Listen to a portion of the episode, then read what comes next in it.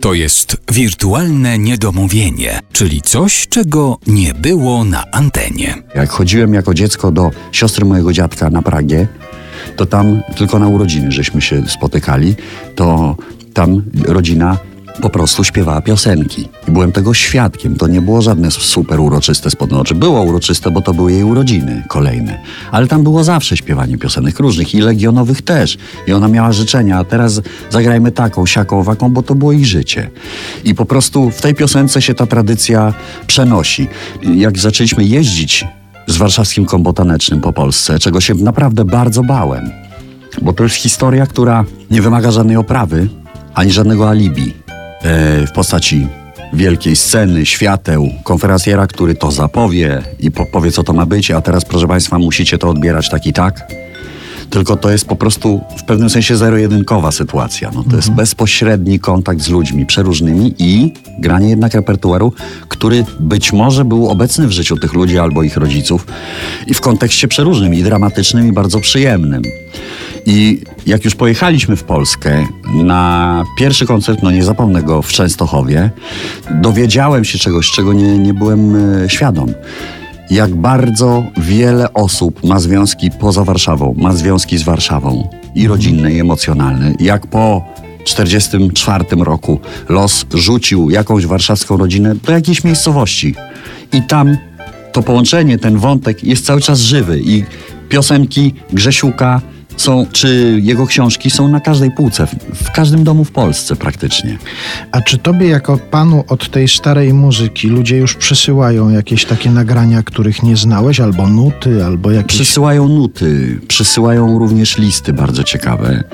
Y, Traktują mnie y, momentami jako takiego strażnika pieczęci, co jest oczywiście no, wielką jednak odpowiedzialnością. Czuję wagę tej sprawy, dlatego że przyszedł do nas człowiek w jednym z miast i podarował mi taki zeszycik, który, i to jest w ogóle bardzo ciekawy wątek, to funkcjonuje w domach. Jeżeli ludzie, jeżeli macie coś takiego i nie wiecie, co to jest, nie wyrzucajcie tego.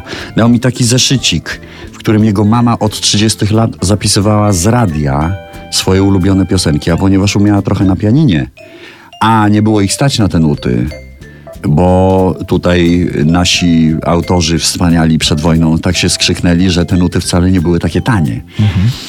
Więc zapisywała w zeszyciku swoje ulubione piosenki. Słowa, nuty, słowa, nuty i daty. To jest tam do końca 40 lat zapełnione i ja ten zeszyt mam. Dostałem e, sporo nut, zresztą zrobiłem trzy audycje poświęcone pod tytułem Nuty z Bielska, bo dostałem od mojego y, znajomego, który zajmuje się zupełnie czym innym, na tej samej zasadzie. Mam tutaj po rodzicach takie coś.